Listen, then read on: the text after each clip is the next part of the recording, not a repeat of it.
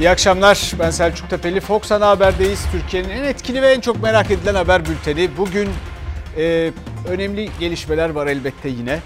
E, 30 Eylül e, 2020 Çarşamba günü saat 19.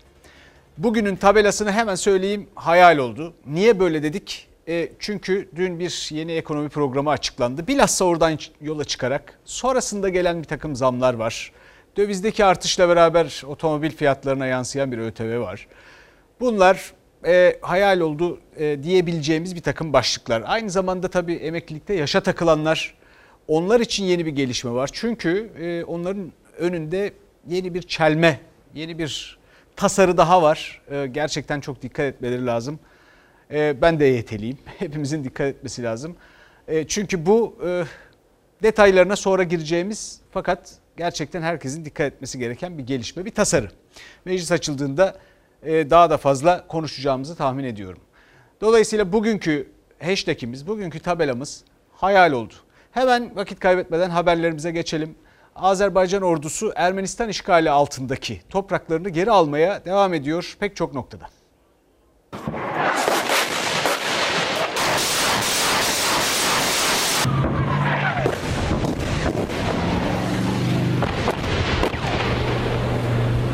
Azerbaycan ordusu Grad füzeleriyle Ermenistan mevzilerini vurdu. S-300 füze savunma sistemini imha etti. Çatışmaların yoğunlaştığı Adere Terter'de Ermenistan güçlerini kuşattı. Azerbaycan'ın işgal altındaki topraklarını kurtarmak için Ermenistan'a karşı başlattığı operasyon hız kazandı. Karabağ'daki çatışmaların dördüncü gününde Azerbaycan ordusu Adere Terter yönüne ilerledi. Topçu ateş sonrası bir grup Ermenistan askerini kuşatma altına aldı.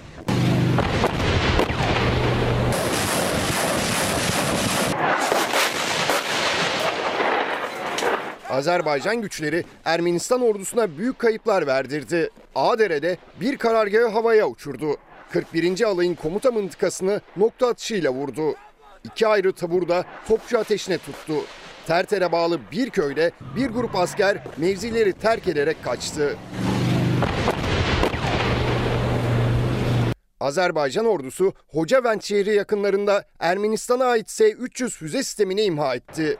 3 gün içinde 30'a yakın hava savunma sistemi, 130 tank ve zırhlı aracını vurdu.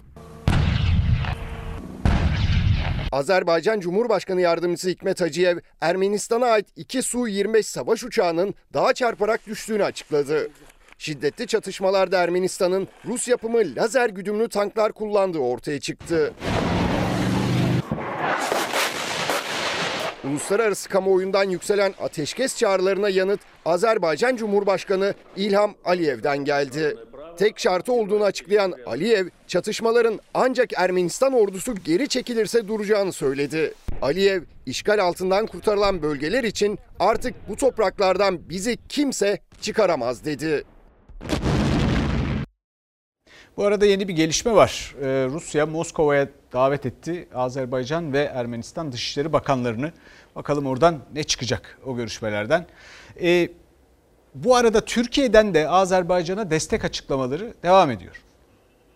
Azerbaycan e, sahada bunu çözmek istiyorsa da biz tabii ki tüm imkanlarımıza Azerbaycan'ın yanında olacağız dedik. Ankara'dan hem masada hem sahada destek açıklamalarının gelmesi üzerine Türk askeri de Karabağ'da Azerbaycan ordusuna destek veriyor iddiasını Erivan yönetimi dile getirdi. Hem Milli Savunma Bakanlığı yalanladı hem de Azerbaycan Cumhurbaşkanı Aliyev. Ermenistan resmi hesaplarından kendisine karşı Türk uçaklarının ve İHA SİHA'larının kullanıldığına dair hiçbir kanıta dayanmayan yalan iddialarda bulunulmaktadır. Türkiye bu çatışmaya başka herhangi bir sıfatla katılmıyor. Zaman zaman da tehdit ediyorlar. Türkiye burada mı? Türk askeri burada var mı? Türkiye buraya silah naklediyor mu? Cumhurbaşkanı Erdoğan Minsk üçlüsü Amerika, Fransa ve Rusya'ya mesaj verirken kurmuştu bu cümleyi. Türkiye'nin asker ve silah yardımını soruyorlar demişti. Ermenistan'ın Türk F-16'sı Ermenistan uçağını düşürdüğü yalanı sonrası Türk askerinin sahada olmadığını Ankara ve Bakü birlikte duyurdu. Ermeni tarafının Türkiye'nin çatışmaya taraf olarak katıldığına dair yaydığı tüm söylentiler kışkırtıcı nitelik taşıyor. Türkiye'nin çatışmaya dahil olduğuna dair hiçbir kanıt yok. ve böyle bir ihtiyaç da yok. Bunlar Ermenistan'ın karşısında Türkiye'nin olduğu algısı yaratarak arkasındaki desteği artırma maksatlı kara propagandasından başka bir şey değildir. Azerbaycanlı kardeşlerimiz nasıl istiyorsa, ne kadar istiyorsa ve ne şekilde istiyorsa Türkiye Azerbaycan'ın yanında olmaya devam edecektir. Ankara'da şu an itibariyle sahada yokuz diyor ama Bakü yönetimi istediği takdirde askeri destek verilebileceğinin altını da özellikle çiziyor. Azerbaycan Efendim? nerede nasıl Türkiye'ye ihtiyaç duyarsa biz kardeş olarak Can Azerbaycan'ın yanındayız. Türkiye üzerine düşen görevi yapıyor. Azerbaycan'ın e, kendi topraklarını savunması elbette onun en doğal hakkıdır. CHP lideri Kılıçdaroğlu da Haber Global Televizyon'da katıldığı programda iktidarın Dağlık Karabağ politikasına destek verdi. Şimdi Ermenistan kayıplarını açıklamak için tabii böyle e, veya arkasına yeni destek bulmak için böyle bir takım e, yollara başvuruyor olabilir. E, Fakat tabii benim anlamadığım şu bu eleştirileri yapanları da Fransa'dan Amerika'ya anlamak çok zor. Çünkü e, bu ülkeler dünyanın farklı yerlerinde hiç alakaları olmayan coğrafyalarda silahlarıyla askerleriyle varlar. E, Türkiye e, talep edildiği takdirde şu anda resmi açıklamalara göre böyle bir şey yok. Ama askeri ya da silahıyla orada olmasında yani kim engel olacak? Niye olacak? Ee, CHP'nin e, doktor, hekim bir üyesi var biliyorsunuz. Ee, Murat Emir dün e, bir belgeyle e, bir iddia gündeme getirdi. O iddia vaka sayı, sayıları ile ilgiliydi. Covid-19 vaka sayılarının 10 Eylül tarihli e, bir kayda göre Sağlık Bakanlığı'nın sisteminden aldığını söylediği bir kayda göre sanılanın çok üstünde olduğunu iddia ediyordu. E, Sağlık Bakanlığı'ndan ses çıkmadı bu akşam gözler Sağlık Bakanı'nda. Hiçbir şekilde e, Sayın Bakan'ın açıkladığı rakamlarla bu tablodaki rakamların örtüşme ihtimali yok. Bakın burada o günkü e, laboratuvar çıktılarının bilgisayar ekran görüntüsü bu. 30'u hala sonuçlanmayı bekliyormuş. Negatif 128.645, pozitif de 29.377 çıkmış. Bu bu bir günlük vaka. CHP milletvekili Murat Emir'in iddiasına Sağlık Bakanlığı'ndan bir açıklama gelmedi. Sağlık Bakanlığı laboratuvar bilgi yönetim sistemlerine ait olduğu iddia edilen belgede 10 Eylül'de 29.377 kişiye pozitif tanı konduğu belirtilirken bakanlığın o günkü turkuaz tablosunda hasta sayısı 1512 idi. Uzmanlar da bakanlığın rakamları düşük dedi. Ben Ankara'da bir merkezden çok e, yoğunuz, korkunç vaziyetteyiz dediğimiz günlerde 150-200 tane test pozitifliği koyuyorken oraya benim söyleyebileceğim net şey 1500 vakalık o dilimin gerçekte benim yaşadıklarımı yansıtmadığı. Haftalardır dillendiriliyordu bakanlığın hastanede yatan sayısını paylaştığı, vaka sayısını duyurmadığı iddiası. CHP'li Murat Emir iddiayı bir adım ileri götürdü. 10 Eylül tarihine ait bir belge paylaştı. O gün Türkiye'de toplam yapılan test sayısı negatif ve pozitif rakamları yazıyor o belgede. Bakanlığın 1512 hasta var dediği gün 29.377 pozitif vaka tespit edildiği gözüküyor. Mesela Ankara Dışkapı Yıldırım Beyazıt Eğitim ve Araştırma Hastanesi'nde 1625 pozitif vaka olduğu söyleniyor. İstanbul Kanuni Eğitim Araştırma Hastanesi'nde 826, Ankara Şehir Hastanesi Merkez Laboratuvarı'nda 722, e, Diyarbakır Sağlık Günleri Üniversitesi'nde 537 vaka olduğu söyleniyor. Bakanlık CHP vekilin iddiasına yönelik bir açıklama yapmadı. Türkiye'deki vaka sayısı açıklanan resmi rakamın 20 katı mı sorusu hala yanıtsız. Bakınız Türkiye'de ortalama 1500 vaka olduğunu düşünürseniz Sayın Bakan'ın tek demesi gereken bu toplamda 20 günlük vaka demesi lazım. Eğer bu 20 günlük vaka ise o zaman çalışılan test sayısı nasıl 153.325 olabiliyor? Değil mi? Son 20 günlük test sayısının 500 bin üzerinde olduğunu biliyoruz. Hiçbir şekilde e, Sayın Bakan'ın açıkladığı rakamlarla bu tablodaki rakamların örtüşme ihtimali yok. Kendi verilerimizi koyduğumuz anda verilerimizin e, bakanlık tarafından merkeze çekildiğini biliyoruz. Sonrasında bu veriler nasıl işleniyor ve turkuaz tablo nasıl önümüze çıkıyor o konuyla ilgili bir bilgimiz yok. 8 aydır da herkesin bir ısrarı var bu konuda. Gazi Hastanesi Enfeksiyon Hastalıkları Bölüm Başkanı Profesör Doktor Esin Şenol Davutoğlu da hasta vaka ayrımı üzerinden bakanlığın iddialara yanıt vermesi gerektiğini söyledi. Gözler Fahrettin Koca da bakanlık hastanede yatan Covid'li hasta sayısını mı açıklıyor? 29.377 pozitif tablosu ne anlama geliyor? Vereceği yanıtta. İddiamızın arkasındayız ama Sağlık Bakanlığı ve hükümet önlem alamayacağı için ve kamu kaynaklarını bir avuç müteahhite peşkeş çektiği için rakamlarla oynamak ve bunun üzerinden bir pembe tablo çizmeye çalışıyor. Evet şimdi burada kafalar karışık. Ee, kıymetli e, Mehmet Ceyhan hocamızın kıymetli Sağlık Bakanımızla bir diyaloğuna e, bir takım haber kaynaklarında e, yansıtıldığına rastladım. Şimdi orada Mehmet Ceyhan Hoca diyor ki yani bu vaka sayısı mı hasta sayısı mı? İşte Sağlık Bakanımız da diyor ki ne tam vaka sayısı ne tam hasta sayısı. Bu kaynaklarda yer alan bilgi bu yönde. Öyle tatlılar ki. Şimdi e, biz e, bunu dün yayınladıktan sonra sosyal medyada da e, ve ondan sonraki işte haberlerde yayılan paylaşılan haberlerdeki e, tepkilere bir baktım. Şimdi Türkiye'de e, şöyle bir durum var. E, insanlar çaresiz olduklarını san, düşündükleri, böyle olduğuna inandıkları konularda galiba haberdar olmamayı, bilmemeyi tercih ediyorlar. Şimdi insanın başına bilmediklerinden dolayı bela gelmez. Ee, yani emin olduğu ama doğru olmayan bildiklerinden dolayı gelir. Şimdi Türkiye'de pek çok kişi hayatını etkileyecek konularda e, doğru bildiği şeylerin doğru olmadığını görmekten hoşlanmıyor bazen e, veya bunun bunun gibi başka bir takım e, durumlar yaşanıyor. Şimdi bir günün vaka sayısını çarpanlar var. O zaman zaten bağışıklık kazanmışızdır diyenler var. Bir kere bir günün vaka sayısıyla başka bir gününki birbirini tutmayabilir. Üstelik e, bu vakalar arasında pozitif olanlar daha sonra tekrar yakalanabiliyorlar. E, bir yandan da e, Sağlık Bakanlığı bu işte başarılıydı. Daha önce söyledik bunu ama bu işin içine siyaset karıştığında Sağlık Bakanlığı personelinin kadrosu ve sağlık çalışanlarımız çok başarılıydı. Fakat ondan sonra onların inisiyatifi azaldığında bu işler karışmaya başladı. İşte o zaman rakamlar da karışmaya başladı. E, bu yüzden e, yani içinden çıkamıyoruz. Peki bunun ne önemi var? Yani niye bilelim şimdi vaka sayısını öyle diyenler de var.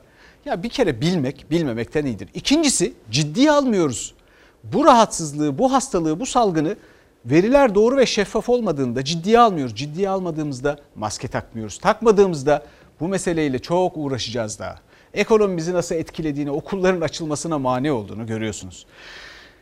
Evet şimdi bir takım önlemler alınıyor. Ee, özellikle toplu taşımda. Ee, bu e, bir takım memurlarla ilgili mesai çıkış saatlerinde ayarlamalar yapıldı. E, fakat şimdi tedbirler değil önemli olan nasıl uygulandığı. E, tıpkı bu bilgilerin doğru ve şeffaf olması gibi uygulama da çok önemli. Mesela tedaviyi iyi başarıyoruz biz ama bir salgını tedaviyle önlemek mümkün değil. Öncesindeki tedbirlerle önlemek mümkün. Hastaları tedavi ederek bu salgını önleyemeyiz. Salgının yayılmasını önleyerek ancak başarabiliriz. E, onun için de tedbirlerin uygulanması lazım. Peki nasıl uygulanacak? Şimdi herkese HES kodu gerekecek. E, bu gerçekten büyük karmaşa da yaratabilir.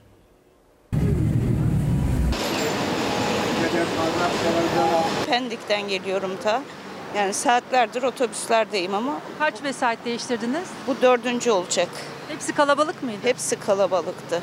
Ve çoğu insan maskeye özen göstermiyor. Otobüsler, minibüsler kalabalık, yolcular ayakta, araçlarda adım atacak yer yok. İstanbul'da virüsün yayılmasını engellemek için mesai düzenlemesi yapıldı ama kısıtlı önlem işe yaramadı.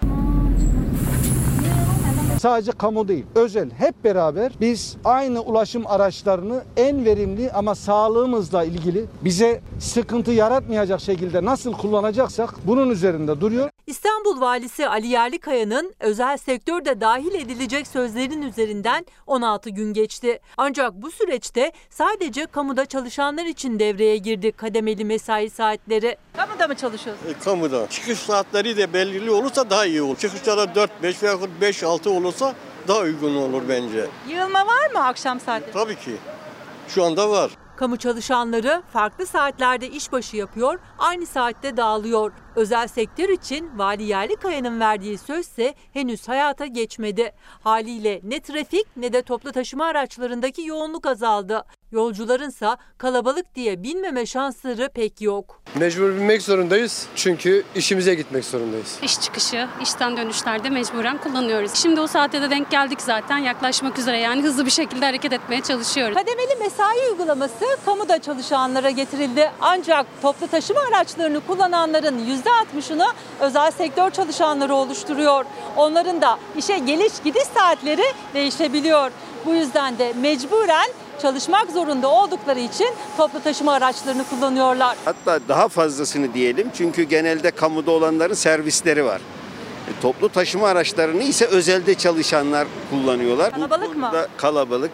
Başka aracımız yok mecburen. Toplu taşımayı kullanmak zorundayız. Toplu ulaşımdaki bu görüntülerin önüne geçilemeyince en azından pozitif vakalar ya da temaslılar toplu taşıma araçlarına binmesin diye HES genelgesi yayınladı İçişleri Bakanlığı. 81 ile gönderilen genelgeyle ulaşım kartlarının HES koduyla uyumlu hale getirilmesi istendi. Valilik düzenleme getirir. Büyükşehir Belediyesi de o konuda güzel bir planlama yaparsa bu çözülür. Yeni ekonomi programı dün açıklandı e, ve tartışmaları sürüyor. Biz yeni ekonomi programıyla gördük ki resmen fakirleşmişiz. Damat Bakan'ın verdiği rakamlar aslında AK Parti'nin 2023 hedeflerinin iflasının ilanıdır. 2023'te bir başka hedefimiz daha var.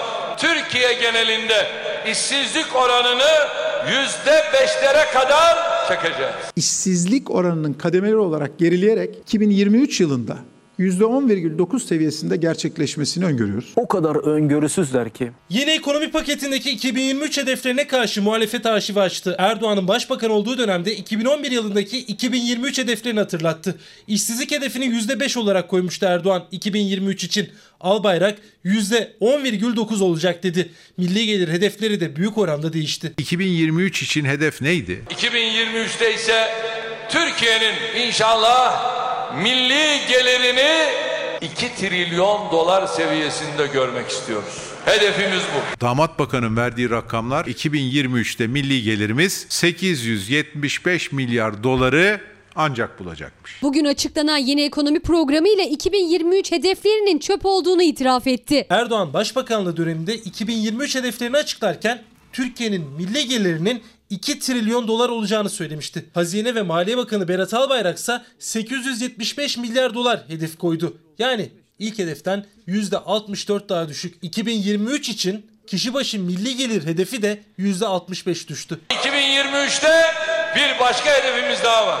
Kişi başına düşen milli gelirinde 25 bin dolar olmasını hedefliyoruz. Bunu da başaracağız. İlk orijinal 2023 hedefleri olarak 25 bin dolar açıklanmıştı. Daha sonra 2019 yılında 12.444 dolara revize edildi.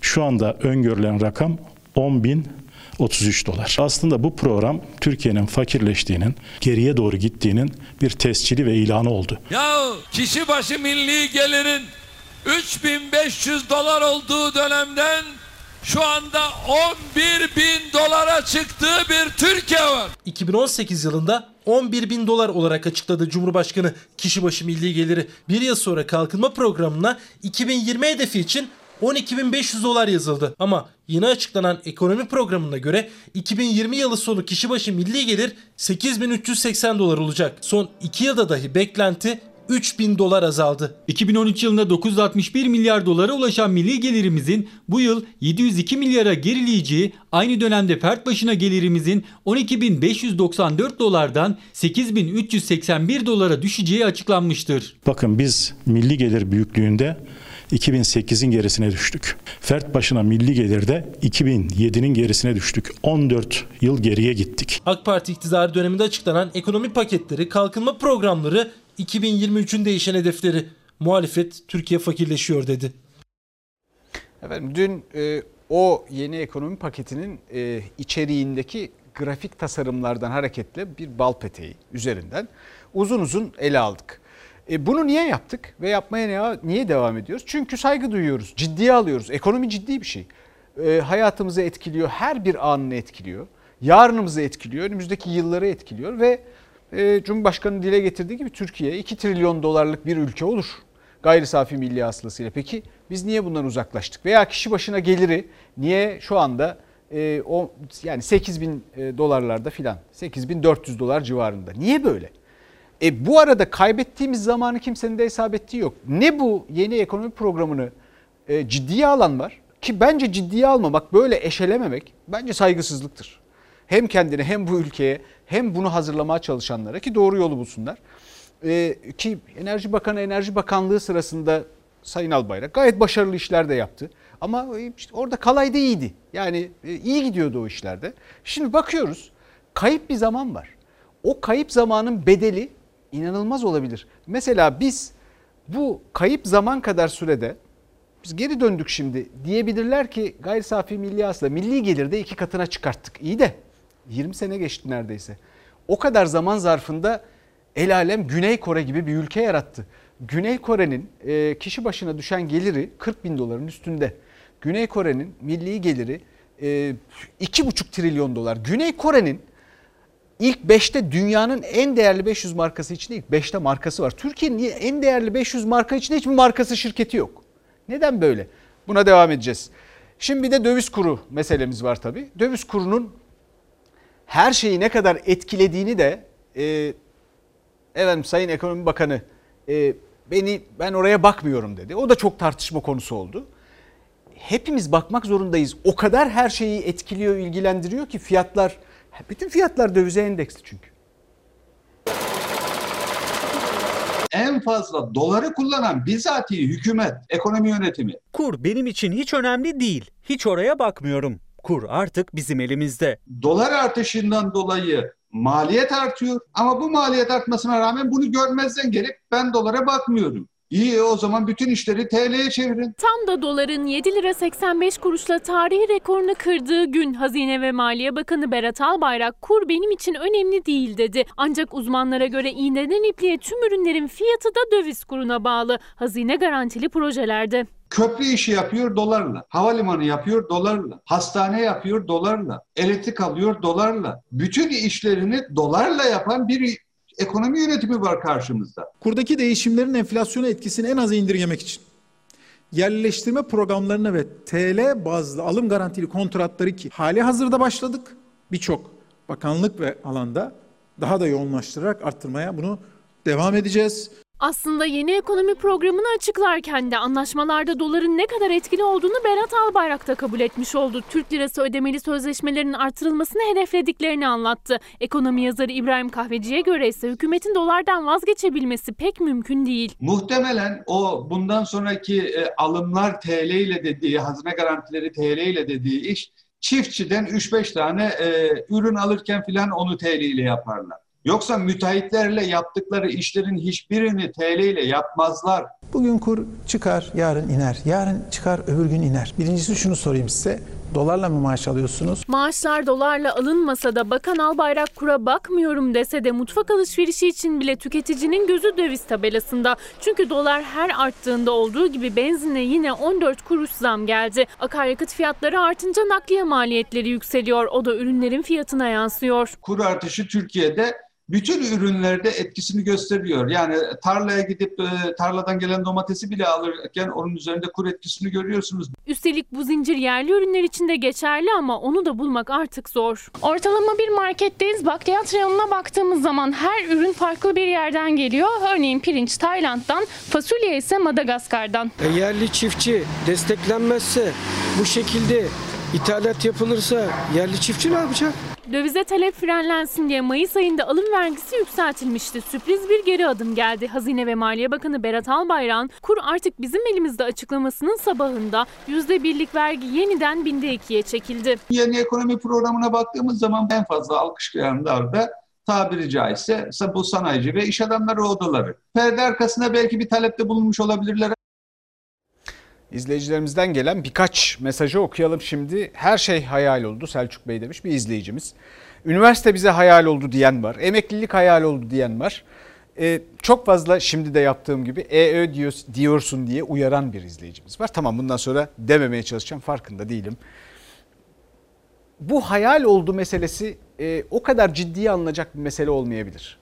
Bir dakikada yani bu yayının hemen ardından bir, bir, dakika, bir dakikamız var ya bizim en sonda. Orada neden aslında yine de ümitlenebileceğimize dair birkaç şey söylemeye çalışacağım. Avrupa Birliği hayal oldu diyen bir izleyicimiz de var mesela. Otomobil de hayal oldu diyenler var. Araba hayal oldu diyenler var. E şimdi otomobil konusunda gerçekten ümit vermem çok zor. Çünkü dövizdeki artışla beraber bunlar fiyata e, endeksli bir takım e, ÖTV artışlarına tabiler ya bir anda e, bir başka şeye çıkıyor. Bir başka basamağa çıkıyor otomobil fiyatları. O yüzden de o vergi diliminde 50-60 bin liralık bir gecede oynamalar yaşanıyor. 1000 liralık veya 5000 liralık bir zam tüketiciye 60 bin lira olarak yansıyabiliyor. Bu tamamen zamdan dolayı değil, e, vergi sistemimizden kaynaklanıyor. Dövizdeki rekorlar nedeniyle gelen zam 7 bin lira.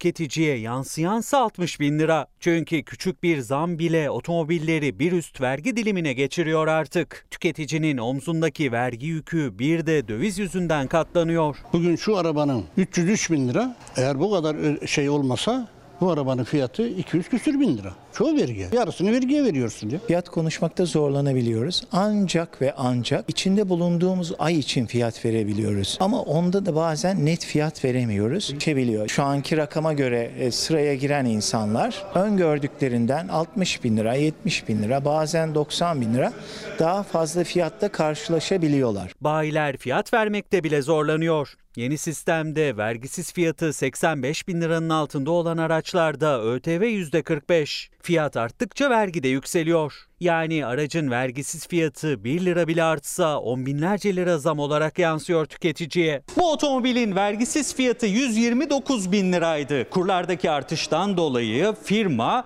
7 bin liralık bir zam yansıttı fiyatlara. Ve otomobilin fiyatı 130 bin lira sınırını aşınca bir anda %50'lik vergi diliminden %80'lik vergi dilimine geçildi. Yani kurlardan dolayı yapılan zam 7 bin lira ama tüketiciye yansıyan zam vergi sisteminden dolayı tam 60 bin lira. Mantığın ötesinde gibi 7 bin liranın vergi dağılımı 60 bin liraya tekabül eder. O zaman memleketteki enflasyonu neye göre hesaplayacağız? O vergi dilimine göre enflasyonu hesaplarsak bugünkü enflasyon bize yalan söyleniyor demek ki. Bu son zamla birlikte 291 bin liraya tüketicilerin satın aldığı bir otomobildeki vergi 99 bin liradan 155 bin liraya çıktı. Bu anlık artışları insanlara anlatmakta çok zorluk çekiyoruz. Bayiler salgın dönemiyle artan taleple verdikleri siparişlerin bu döviz kaynaklı ÖTV zammı nedeniyle ellerinde kalmasından endişeli. Çoğu tüketici otomobil hayalini ertelemeye başladı. Bir biz alıyor bir de şu anda e, hükümet alıyor bir araba yani. Bu kadar da olmaz yani vatandaş e, alım gücü tamamen bitiyor yani. Buradaki arkadaşlarla pazarlığa giriştik biz de. Kendimiz de biraz kaybettik. Fiyatlar böyle olur, şöyle olur derken arkadaşlar dediler ki Al, alıcıysan konuşalım. Ciddi alıcıysan. E, şimdi ciddi alıcı olmak o kadar zor ki. Siz kullandığınız aracı düşünün. Onun sıfırını alıp alamayacağınızı düşünün. Bunu hatta hayal edip edemeyeceğinizi düşünün. O yüzden çoğumuz için hayal oldu. Bir de tabii emeklilikte yaşa takılanlar var e, yeni bir esnek çalışma e, tasarısı var. O raftan tekrar indi. Biraz da karmaşık e, 29 yaşın altındaki gençlerle 50 yaşın üstündeki yurttaşlarımız ayın 10 günü kadar e, böyle bir takım işte ödemeleri sos, sosyal güvenlik harcamaları falan yapılmadan yani biraz da kayıtsız diyebileceğimiz bir biçimde çalışma e, ile karşı karşıya kalabilirler. Tam olarak da net değil ama tartışılıyor. Dikkat etmekte fayda var. EYT'lilere bir çal, çelme daha gelmesin efendim. Emeklilikte yaşa takılanlar yaşımızdan dolayı zaten iş bulamazken yine her an her dakika kapı önüne bırakılmasına sebep olacaktır. Hem emeklilik haklarında ciddi kayıplar söz konusu olacak. Eğer özel bir düzenleme yapılmazsa sağlık hakkında kayıplar olabilir. Esnek çalışma paketini meclise gönderdi. Çalışma Bakanlığı yasalaşırsa 29 yaş altı ve 50 yaş üstü 10 günden az çalıştığında işveren sigorta primi ödemek zorunda olmayacak. Bu da özellikle emeklilikte yaşa takılanları zorlayacak. 50 yaşın üstünde her an her dakika işverenin keyfi davranışıyla kapı dışarı edilecek. Tazminatsız, sorgusuz, sualsiz. Yasa çıksaydı 99'dan önce sigortalı olanlar emekli olacaktı ama şu an olamadık maalesef çıkmadı. Çalışıyor musunuz? Çalışıyorum evet. Karşıyım yani onaylanmasına. Yukarıdakiler yine bildiğini okuyacak yani. Eğer yasalaşırsa yine işverenin eli de cebi de rahatlayacak. Ancak gençler 29 yaşını doldurana kadar güvencesiz çalışacak. 50 yaş üstü ise emeklilikten biraz daha uzaklaşacak. İşsizliği önlemek, istihdamı arttırmak için yapıldığı söylenen bu düzenlemelerin hiçbir biçimde işsizliği önlemeyeceği de açıktır. İşveren daha çok işçi çalıştırabilsin diye gündemde düzenleme ancak diskte emeklilikte yaşa takılanlar da endişeli. Çünkü işveren 9 günlük maaşını ödeyecek sadece çalışana. O çalışan ne devletin sağlık hizmetlerinden ücretsiz yararlanabilecek ne de çalıştığı günler ileride emekliliğine sayılacak. Komik buldum şu anda. Gerçekten komik buldum. Ee, yıllarca okuyoruz, iş bulamıyoruz üstelik. Ee, böyle bir şeyle karşılaşıyoruz. Gerçekten üzüntü verici. Sigorta özellikle e, sağlık alanında gereken bir şey. Ben bir çalışansam bir işverenin bana güvence vermesi lazım. Bence yanlış bir düşünce inşallah kabul edilmez. Gençlerde emekli olmadığı için çalışmak zorunda kalan 50 yaş üstü de güvencesiz çalışmak istemiyor. Üstelik düzenleme hayata geçerse sadece iş güvenceleri tehlikeye girmeyecek. Kıdem tazminatı hakkı da olmayacak iş güvencesi ve kıdem tazminatı hakkı ortadan kalkmış olacak. Her şeyden önce eşitlik ilkesine aykırıdır, anayasaya aykırıdır. Özellikle bizler emeklilikte yaşa takılanlar, hak kaybına uğrayan kesim olarak artık yeter diyoruz. Bu gündem içinde erken seçimi bu kez telaffuz eden ve tartışma başlatansa Kemal Kılıçdaroğlu oldu. Normalde onların Türkiye şartlar daha ağırlaşmasın diye erken seçime gitmeleri gerekir. Erken seçimin gündeme gelebilmesi için rasyonel siyasal şartların olması lazım. Bugünkü şartlar çerçevesinde Türkiye'de asla erken seçimi gerektirecek en ufak bir e, şart yoktur. CHP lideri Kemal Kılıçdaroğlu iktidarın erken seçime gitmesi için şartlar var dedi. AK Parti Genel Başkan Vekili Numan Kurtulmuş ise erken seçimin şartlarının oluşmadığını söyledi. Saadet Partisi lideri de süre verdi. Ben erken seçim istiyorum demekle erken seçim olmaz. En ufak bir rasyonel e, gerekçenin olmadığını ifade etmek istiyorum. Türkiye'de bir seneden daha erken bir seçim olabileceğine ihtimal vermiyorum. Yanılabilirim. Çünkü kaybedeceği kesin. Muhalefet erken seçim çağrısı yapmıyor ama erken seçim tartışması da gündemden düşmüyor. CHP lideri Kılıçdaroğlu Haber Global Televizyonu'nda katıldığı programda ekonomiden, eğitimden örnekler verdi. Türkiye yönetilmiyor diyerek erken seçim şartlarının oluştuğunu söyledi. AK Parti Genel Başkan Vekili Numan Kurtulmuş ise seçim 2023'te dedi. Türkiye şartlar daha ağırlaşmasın diye erken seçime gitmeleri gerekir. Yoksa şartlar giderek ağırlaşacak. Fatura kime çıkar?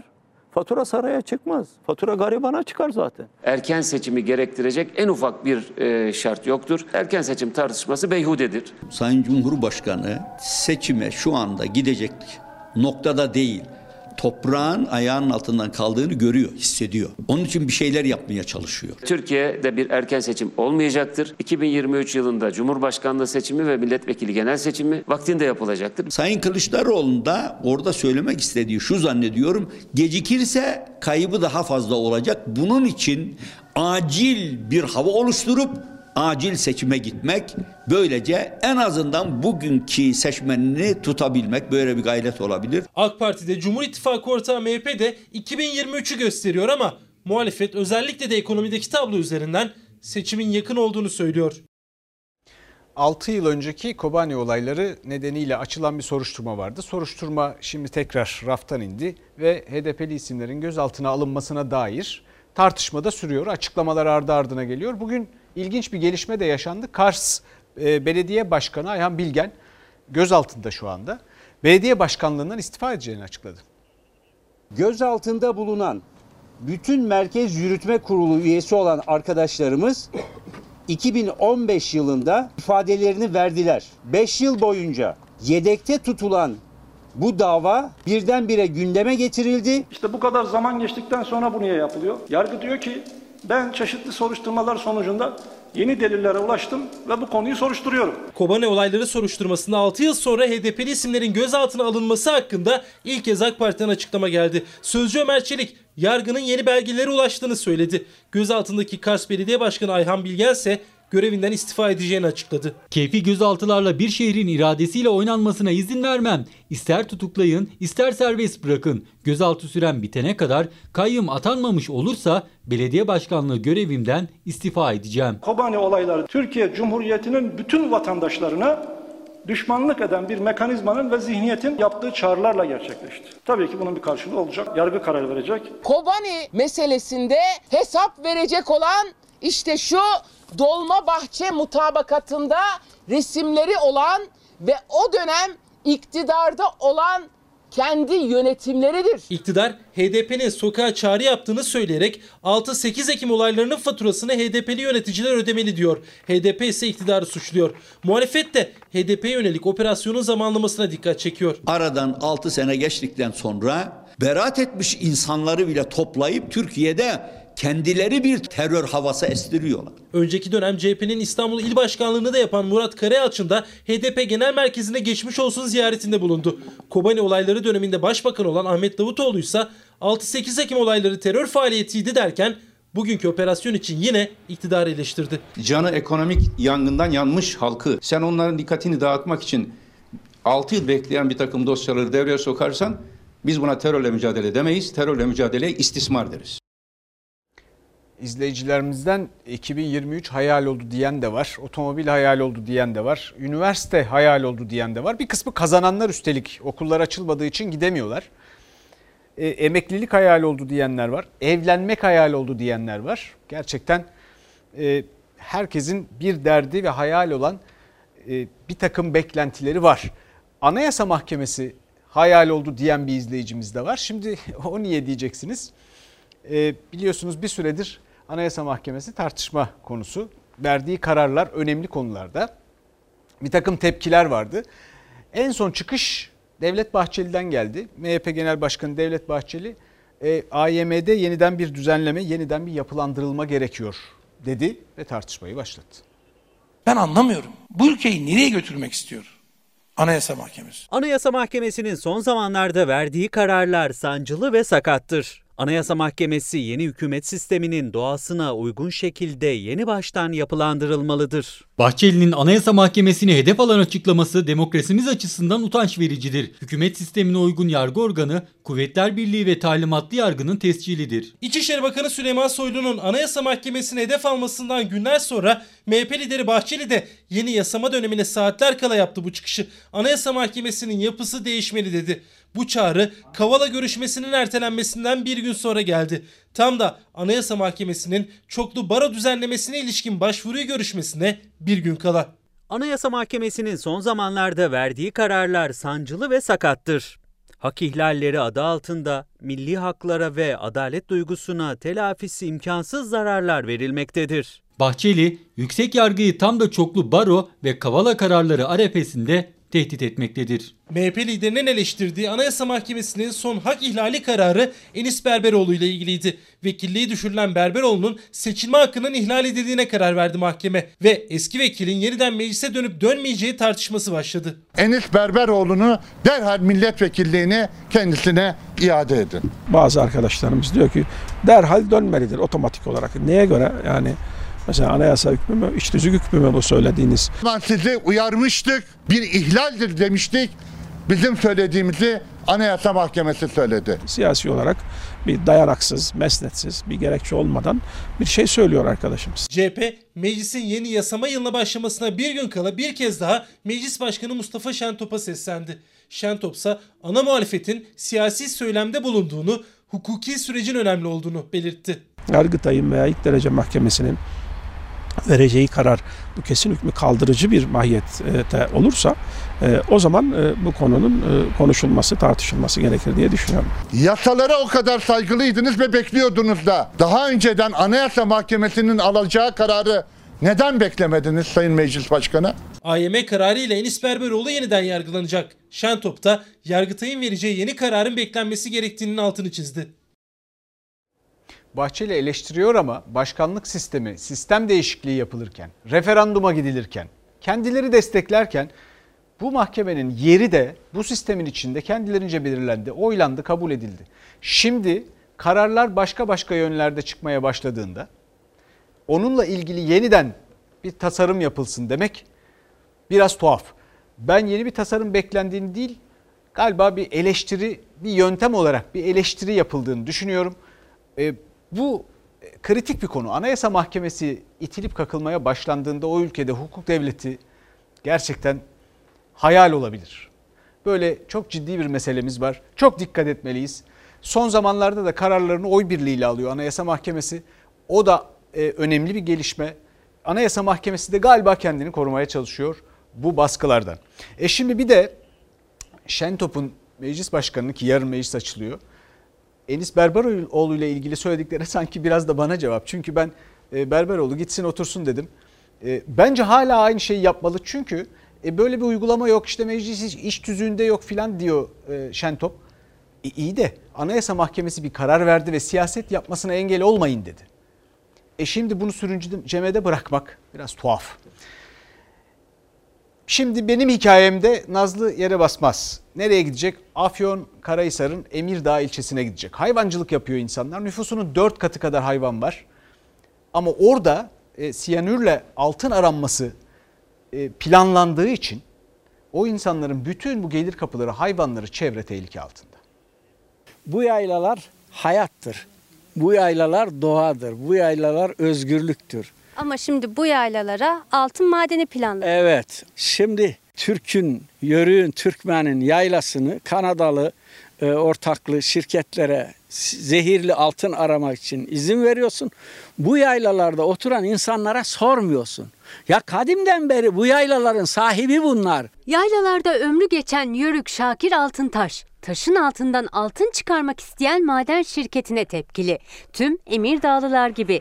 Afyonkarahisar'ın hayvancılığı ve gurbetçileriyle tanınan ilçesinde yaylalarda altın araması yapılıyor aylardır. Hayvanların otladığı, yılkı atların özgürce koştuğu o yaylalar çorak araziye dönüşme tehlikesinde. Yaylalar bizim akciğerlerimiz. Yani yaylalarımızın yeşilden griye dönüşmesini asla istemiyoruz. İçme suyu diye artık yayla suyu diye bir şey kalmayacaktır. Bu bir afet olacak. Uşak ve İzmir'de de maden işleten Kanadalı şirkete Afyon Emirdağ yaylalarındaki 13.640 dönümlük alanda arama ruhsatı verildi. Ruhsat süresi Ekim'de dolacak ve altın bulunursa bölgeye üretim için siyanür havuzları kurulacak. Siyanür demekse doğa için zehir demek. Devletimiz de bir tercih yapmalıdır. Biz bin yıllar süren bir gelir mi elde etmek istiyoruz? Yoksa kısa vadede bitecek ve yabancılara peşkeş çekilecek bir maden mi bulmak istiyoruz? Emirdağ yaylalarında altın çıkarılması planlanan bu alanlar özellikle küçükbaş hayvanların otlanma alanları yani meralar. Bölgede çok sayıda endemik bitki türü de var. Bölge halkı hem geçim kaynaklarının hem de hayatlarının tehlikeye girecek olmasından endişeli. Tarım ve Orman Bakanlığı'nın verilerine göre sadece Emirdağ'ın küçükbaş hayvan varlığı 155 bine yakın. Türkiye'nin 14 ilinin hayvan varlığından fazla. Yaylalarda beslenen hayvanlar küçük ilçenin en büyük geçim kaynağı. Biz Türkiye'de 481 Yörük Türkmen Derneği olarak hepsiyle sözleştik. Her tepeye bir yörük çadırı kurarız.